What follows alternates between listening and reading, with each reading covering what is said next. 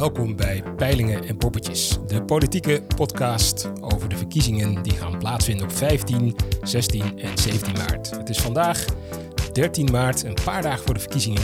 Ik ben Ginio Bij en ik zit hier samen met mijn maat Camille Rikman, die eh, ook even met de billen bloot moet. Want voor de luisteraars die dachten, goh, waar zijn jullie toch geweest de afgelopen nou, anderhalve week zo'n beetje? We waren er wel, alleen ik had de prachtige leuke opname, vind ik zelf, zeg ik heel bescheiden, van ons eh, RTL-debat beschouwingsaflevering. Die had ik klaarstaan in de publicatie-app en ja, daar was het even bij gebleven.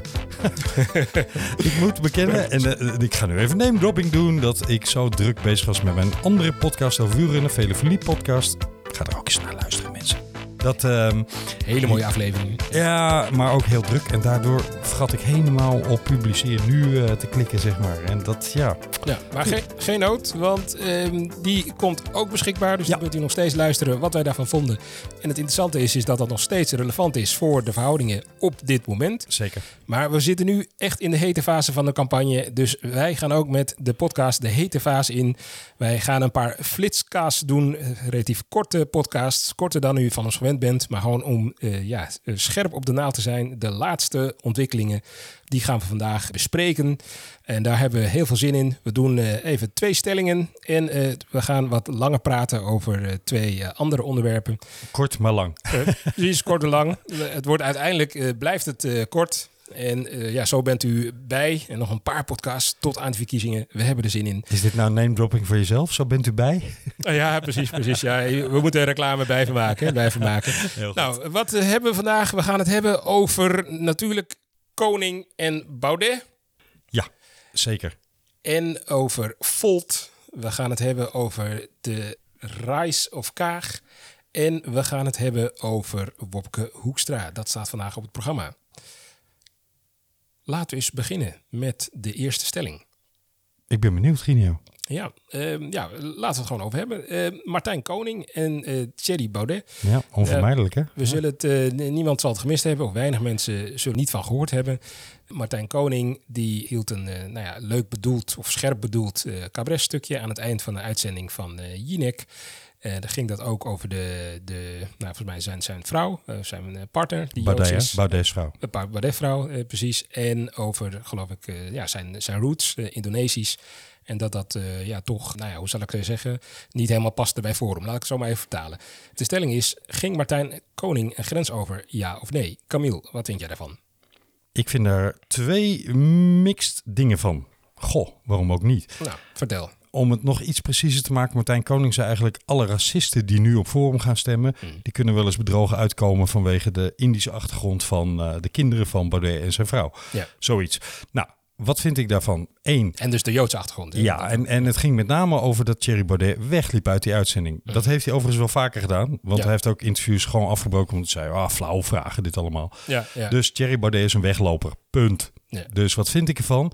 Ik mag het niet zo hard zeggen, maar ik... eh, iets, met, alles, hè? iets met een vinger in het midden van je hand voor hem. Vinger in het midden van je hand. Ja. Voor Thierry Baudet. Ja. Ik vind dit ja, een koekje van eigen deeg. Los van het feit dat ik het ongemakkelijk, niet grappig en veel te gemaakt en veel te geforceerd van Martijn Koning vond. Grote waardering voor Martijn Koning, want die steekt zijn nek vaak in de strop op humoristisch gebied en durft. Nou, ja, dat vind ik knap. Dat moet je, moet je ook willen als je stand-up comedian bent of eh, humorist bent.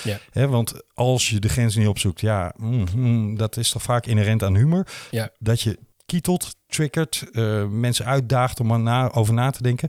In dit geval vond ik dat hij eh, qua toon of voice, qua grappen, daar kun je over twijfelen, eh, over, over twisten, is iets grappig of niet. Maar ik vond dat hij er eigenlijk best wel naast zat.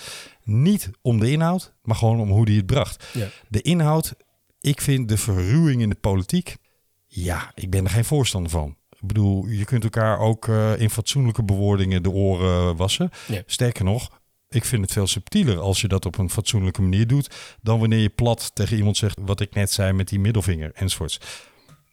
Ja, nee, duidelijk. duidelijk. Dus eh, de stelling eh, is Martijn Ken, eh, Koning een grens overgaan, wordt door jou beantwoord met nee. Bij mij, ik moet zeggen, toen ik het zag in eerste instantie, kromp ik ineen. Ik dacht van ja, familie erbij pakken, dat doe je niet.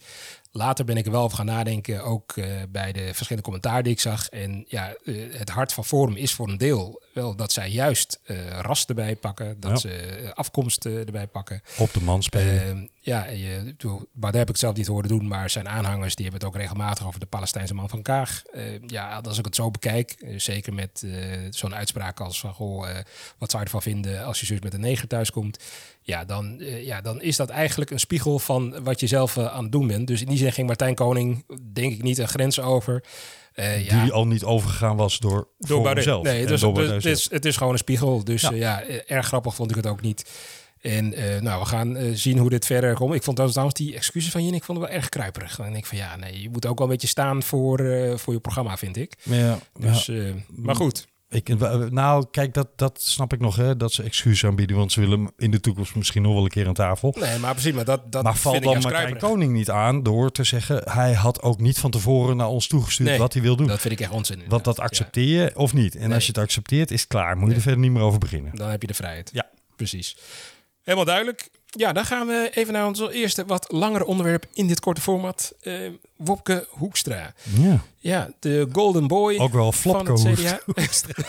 Flopke, ja, ja, ja, ja, dat is een nieuwe bijnaam inderdaad eh, aan het worden. Althans, die munten wij hier. Ach, jongens. Ehm, ja, het wa- het, het was de golden boy van het CDA. Degene die eh, eh, Rutte zou moeten gaan eh, bedreigen. Zou moeten gaan, eh, nou ja, al strijden met hem om het torentje. Mhm. Dat is bepaald niet gelukt. Wat gaat er mis, Camille? Wat er misgaat is dat hij zijn eigen identiteit niet genoeg naar voren kan brengen. De eigen identiteit van het CDA bedoel ik daarmee. Niet per se die van hemzelf als privépersoon. En dat hij zich soort van schijn probeert te distancieren van tien jaar beleid Mark Rutte. Ja, en dat lukt hem niet. En terecht zegt Rutte daarvan telkens weer... ja, je was er zelf bij. Jullie waren erbij. Dus distancieren hom maar. Ja. En dus komt hij en niet ja, op oorlogspad over op de kiezers van... eh, je moet een alternatief stemmen. Want het is eigenlijk geen alternatief. Dat krijgt hij niet voor het voetlicht. Nee. nee, op geen enkele manier. En wat ik vooral tegen vind vallen is, eh, of tenminste wat mij toch wel verbaast, is kijk, eh, de, in de debatten is hij niet heel erg eh, soepel gebleken. Hè? Dus dat, dat had Nee. beter gekund. Maar op zich, als je kijkt dan bijvoorbeeld een Balkenende, ja, dat, die was ook niet bepaald soepele die beter. Maar die had dan kennelijk een soort van authenticiteit, waardoor mensen toch hem wel geloofwaardig vonden. Ja. Dus dat hoeft het niet te zijn. Maar wat ik eh, echt tegen vond vallen is in een debat met Jesse Klaver. eh, dat Jesse Klaver die viel hem aan op het eh, minimumloon. Eh, het CDA zou dan aangeven dat het jeugdminimumloon in stand zou blijven. Ja. Of verhoogd zou worden. Klaver zei van dat klopt niet. En Hoekstra zei op een gegeven moment van ja, nou ja goed. eh, Ik, de gaan het cijfers later niet, eh, over de cijfers hebben. Ja, Ja, ja, precies. we, we, we gaan, we gaan eens rustig zitten. Op zich wel een leuke poging. Van, ja, Klaver, laten we ze rustig gaan zitten hierna, een kopje thee erbij. En dan gaan we eens rustig door die cijfertjes door. Ja. En Klaver liet hem daar niet meer wegkomen. Van, ja, nee, wacht even, dit is uw programma. Dus eh, vertel nu maar wat erin staat of niet. En eh Hoekstra bleef dat maar herhalen. Ze even, ja, ik vind het heel knap dat hij de cijfertjes eh, zo kent. Eh, tot Jeroen Pauw zei van, ja, maar eh, meneer eh, Hoekstra, moet eh, meneer Klaver nou eh, uw eh, Gaan, gaan eh, vertellen? Dat, dat, dat kan toch niet? En voor een minister van Financiën is dat natuurlijk wel het allerlaatste wat moet gebeuren. Dat je op de cijfertjes van je eigen programma, dat je dat niet paraat hebt. Het is eh, killing voor de beeldvorming. Ik vind het inhoudelijk... Ja, hè, iedereen kan een vergissing maken. Iedereen heeft wel eens een moment dat je denkt...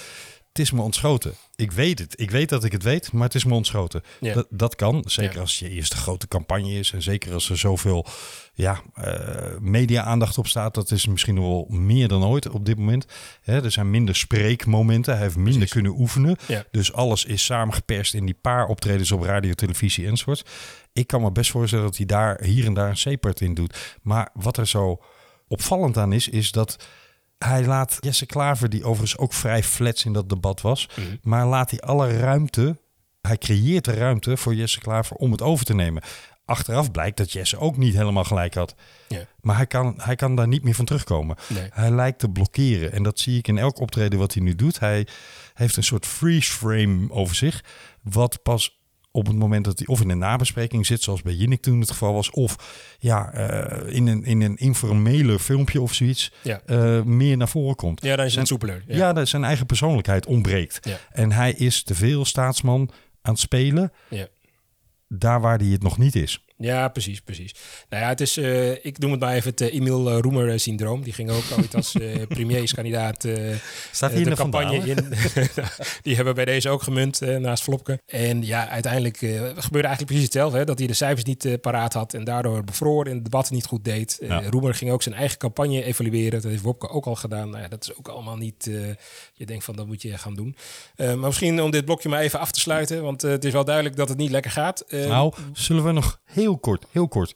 Wat kan hij nog doen in die paar dagen? Precies, dat was precies mijn vraag. Dus in die zin uh, zijn we elkaar ook, zijn we, zijn we elkaar eigenlijk ook een beetje nou ja, tele, telepathisch aan het worden. uh, we hebben alleen geen live verbinding. Wij voelen elkaar wel aan. Ja, ja, precies. Zoals de kiezer in Ja, maar wat kan hij nog doen? Nou, ik denk dat, dat dit, verhaal ook eens voordeel kan omdraaien. Dat hij misschien een soort sympathiefoot moet, moet gaan kijken. Van, joh, ik, ik, doe, ik doe gewoon mijn best en ik ga het gewoon, gewoon zoek door op zo'n Hollands fietsen tegen de wind in, in de polder. Mhm. En ik ga het gewoon doen. Ik ga gewoon door. Ik denk dat dat misschien toch kan helpen. Dat die maar ja, gewoon uh, stug doorgaan. En nu de underdog-rol bij de kop pakken en Precies. zeggen... jongens, Ja. ik weet dat ik fouten maak. Ik weet dat ik nog niet overkom. Maar ik, ik geloof in dit programma. Ik geloof in wat ik te bieden heb. Ja. En uh, ik ga gewoon door. oké. Ja.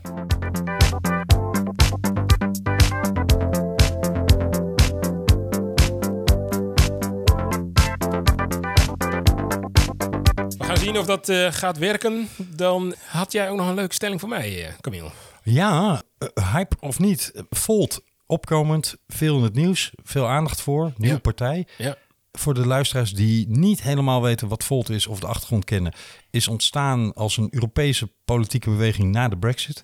Doen in alle Europese landen mee, alle landen van de Europese Unie moet ik zeggen. Ja. En ja, hebben eigenlijk overal min of meer dezelfde hoofdthema's als een soort pan-Europese partij. Opkomend, hype of Blijvertje. blijvertje? Ehm, ja, ik, ik vind het heel knap wat ze aan het doen zijn. Ik denk toch dat het een hype is. Eh, ik heb eh, eens naar hun website gekeken en naar hun programma. Ik moet zeggen, dat ziet er wel super strak uit. In die zin is het wel echt een, een partij van deze tijd. Heel Mhm. modern, heel duidelijk ook met welke punten ze gaan. Ja. Eh, Europese samenwerking, daar zetten ze heel erg op in. Ze zeggen van ja, die soevereiniteit allemaal leuk en aardig, maar heel veel problemen zoals klimaat, asiel en noem het maar op, moet je gewoon Europees oplossen. Grensoverschrijdend. Grensoverschrijdend. Dus daar moeten we echt veel op inzetten. En wat ik ook heel interessant vind, is... Ik dacht van ja, het is eigenlijk een soort eh, D60 Light, GroenLinks Light. Hoor je veel, hè? Ja. plus. Maar als ik er naar kijk, zij zijn bijvoorbeeld voor kernenergie, Ja. eh, duidelijk. eh, en ze zijn ook bijvoorbeeld voor eh, het verhogen van het defensiebudget naar de 2% van de NAVO. Ja. Omdat ze zeggen van ja, we moeten gewoon een goed Europese eh, defensieleger opzetten. Ja. Dus dat is, dat is best interessant. Dus zij zijn in die zin niet heel dogmatisch daarin. Is het een zwaktebod dat ze zich enorm op jongeren richten en ook heel erg duidelijk laten merken: wij zijn een beweging vanuit jongeren georganiseerd, opgestart. Jongeren kiezen niet zoveel. Hè. Een groot deel van hun sympathisanten hebben of nog geen stemrecht, Mhm. ja, of, of zijn zo'n marginale aandeel van het totaal aantal kiezers. Dat ja, is dat een zwaktebod? Nou, dat weet ik niet, want ze staan op twee tot drie zetels in de peilingen. Dus dan Ja. doe je het eh, heel keurig. Ik heb ook niet het idee dat ze zich echt duidelijk richten op jongeren, maar meer eh, op modern zijn. Van, eh, wij zijn van de 21ste eeuw, dus wij zijn digitaal. Hè, Ze willen een minister van Digitale Zaken. Ja. Wij, wij denken vooruit, wel aan de toekomst. Maar goed, de toekomst is natuurlijk ook voor oudere mensen. En als ik kijk naar, ik heb een beetje die lijst gekeken van, van mensen. Dat, ja, dan is het wel een beetje de, zeg maar, de consultant, hoogopgeleide gemiddelde. En ik zag één wat oudere man bij, dus het is wel veel hip, jong, jup, zeg maar. Ja. Dus dat wel, maar dat is Hip en happening. Ja, heel, heel, heel. Maar goed, ik Henk denk... Zal er trouwens jaloers op zijn. De toekomst is van de ouderen.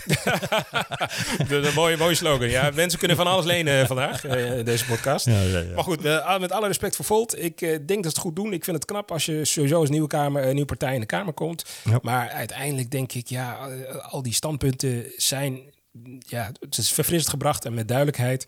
Maar uiteindelijk wijkt het niet zo heel veel af toch van wat andere partijen zeggen. Dus eh, Ik denk dat het zwaktebod zit in wat ik er misschien juist wel sterk aan vind. En wat alle mensen die op Volt gaan stemmen er misschien wel sterk aan vindt, vinden. Namelijk die pan-Europese samenwerking. Mm. Maar tegelijkertijd is een grote meerderheid van zowel de Nederlanders als veel eh, landen in, in Europa, de bevolking al daar, Ja. tegen nog meer Europese samenwerking. Hè, dat is toch een, een dogma. ja, Eh, Europa een is schrikbeeld. ja, is een soort vijand. Dus Ja. ja, vraag me af of dit een, een grote beweging kan worden in Nederland. Ja, nou we gaan het zien. dan hebben we dan bij de partij die misschien nog wel een beetje last uh, zal gaan krijgen van Volt, Mhm. uh, D66, uh, moet zeggen, dat is dan zeg maar de negatieve insteek. De positieve insteek is dat we ja, Kaag, die, uh, we hebben het eerder over gehad. En toen ging het erom dat ze dus uh, moeizaam op gang kwam. En Mhm. dat zeg maar de grote verwachtingen die rondom haar waren... op dat moment niet werden waargemaakt. Intussen is het een soort reizende ster aan het worden. Tij is volkomen gekeerd. Ja, ja. Ja je moet, ik moet zeggen dat het in de peilingen nog niet uh, heel erg uh, te zien is. Je ziet wel dat in de laatste peiling van INO, die is van 8 maart, die ik heb gezien, dat ze nu op 16 zetels staan. Waar je in die peiling, als je gewoon door de weken kijkt, dat ze op een gegeven moment echt op uh, 10, 12 aan het ja. schommelen waren. Dus in die zin wel echt een duidelijk stijgende lijn. Wat ik eerder gezegd heb, ze moeten eerst nog een achterstand inhalen. Dus alle winst die ze nu boeken is eigenlijk terugpakken van wat ze eerder verloren hebben. Ja, in ja. zeker zin wel. Maar ja. als je nog een, in de laatste dagen een soort... Want dat zou een hele interessante strijd natuurlijk zijn. Mm -hmm. uh, Rutte tegen Kaag. Nieuwe premierstrijd. Rechtsliberaal vrouw... tegen linksliberaal. Ja, dus zo zou je kunnen zeggen. Maar Ja. je kan het ook zien als progressief-conservatief. Man tegen vrouw. Ja. Uh, ja, dat, dat, is natuurlijk, dat zou natuurlijk een schitterend affiche zijn. Hè? Om het toch maar even in voetbaltermen uh, Nou, te weet je wat ik er knap aan vind van, van haar campagne, Ginio? Um, toen zij zei, ik ben premierkandidaat. Toen had, denk ik, iedereen toch in eerste instantie een soort van klein moment van... Hè, wat? Weet je wel, iets terughoudend op, op haar kandidaatstelling. Zo van, Ja. is dat niet wat voorbarig als je op tien zetels staat? Ja, ja, En als je net nieuw lijsttrekker bent, enzovoorts, enzovoorts. ja. Inmiddels uh, vind ik echt met overtuiging, en dat begon al bij het RTL-debat, nou het begon daarvoor al, maar bij het RTL-debat werd dat heel zichtbaar, Ja. dat zij zich echt premierwaardig opstelt. Ja. En echt een alternatief vormt. En zij overtuigt wel in die rol Ja. waar Wopke dat niet kan pakken. Nee, nee, zij is redelijk soeverein. Ja. En ze Ja. is ook redelijk eh, dat ze zich niet van de wijs laat brengen. Nee. Dus dat, dat Ze durft mooi. single standpunten in te nemen die tegen de, de maalstroom in. Eh, ze durft ook de kritiek daarover te ontvangen. Ze durft eh, te zeggen, joh, luister, dit is ons standpunt en ja, dat is het. Ja. Doe het ermee. Nee, dat is zo. En wat wel zo is, je merkt ook, en dat is bij, hè, bij, waar bij Wopke zeg maar, zeg maar de wet van Murphy eh, geldt van alles wat fout gaat, gaat, Mhm. gaat fout. En dan wordt het een soort eh, ja, self-fulfilling prophecy, en een negatieve spiraal naar beneden. Ja. Heeft zij nu ook wel alles mee, hè, dat alles toch wel in een goed licht wordt bekeken. Want Ja. ik heb dan het debat gezien tussen haar en Rutte. Ik geloof dat het bij Pauw was, denk ik, bij op één. En eh, ja, toen werd hij... eh, nou goed, Zij was met, met Ploemen hè, in debat op... eh, Oh ja, oké. dat was bij Jinek dat zij met. Rutte, Rutte zat. En, eh, maar in ieder geval, toen werd op een gegeven moment de vraag gesteld van... ja, goh, eh, ja, u had nieuw leiderschap. Eh, betekent dus dat u het oude leiderschap dat tegenover zit, meneer Rutte... dat u dat niet meer wenst.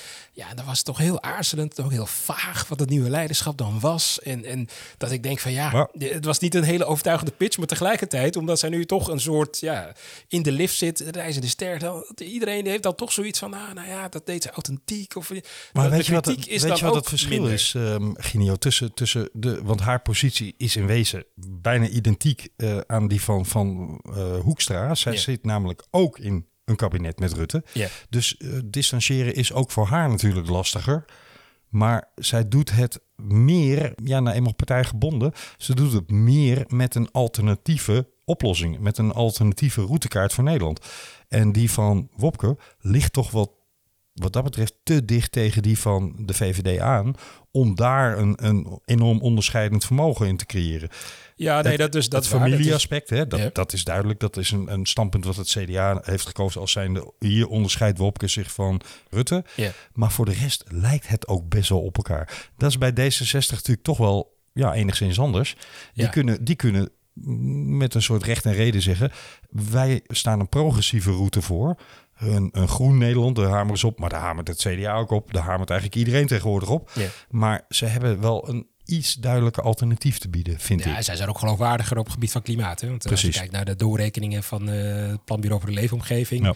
komt D60 daar gewoon na GroenLinks als beste uit. Eh, Ja. Het CDA als laatste en de VVD, dat het niet laten doen, maar dat heeft GroenLinks uiteindelijk gedaan. Ja, die hadden het al gedaan, hè? Ja, dus die, die, die, die kwamen er ook niet zo goed uit. Dus dan is dat inderdaad een veel geloofwaardig alternatief. Ja. Ik denk ook, ook zo dat Kaag natuurlijk wat verder van het financiële hart van het kabinet afzit dan Precies. Hoekstra. Waardoor je er ook wat makkelijker kan zeggen van ja goed, ik deed andere dingen.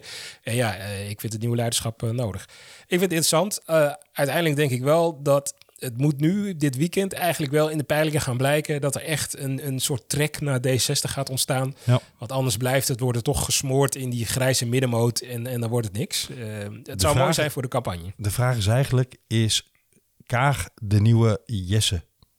Is Kaag de nieuwe Jesse? Ehm, nou ja, dat, dat kun je positief of negatief Of anders zeggen, is Kaag de Jesse van 2017? Dat is eigenlijk de vraag. Ja, de, precies. De, de Jesse van 2021 dan. Ja, ik, eh, ik, ik denk het wel. Ik denk dat zij goed, eh, goed gaat scoren. Ja, ik, ik denk uiteindelijk wel. En eh, de- nogmaals, ik ben altijd... Verrassingen kunnen altijd gebeuren. Maar het zal toch te weinig zijn, vrees ik. Laten wij vandaag het nieuws op tv, op de radio en waar dan ook in de kranten blijven volgen. Ook over krant gesproken. Je kunt bij de Volkskrant een hele leuke eh, ja, soort stemwijzer doen. Dat is eh, de kieswijzer en dat is gebaseerd op wat vind jij van een bepaalde stelling als kiezer. En eh, je antwoord wordt gecheckt aan de hand van het kiesgedrag van de partijen in de Tweede Kamer de afgelopen vier jaar. Ja, precies. Dus daar, daar zit meer een verbinding in tussen wat hebben de partijen in de praktijk nou gezegd en gedaan. Los van het verkiezingsprogramma wat ze nu zo Ja. naar voren brengen. En, Geen eh, woorden maar daar. ja, precies. Ja, dat zijn een hele leuke, interessante invalshoek. Dus eh, ga die doen. Kun je ook online doen. En eh, wij melden ons snel weer. Dat heb ik eerder gezegd. En dit keer gaan we er ook voor zorgen, Gino. Zeker.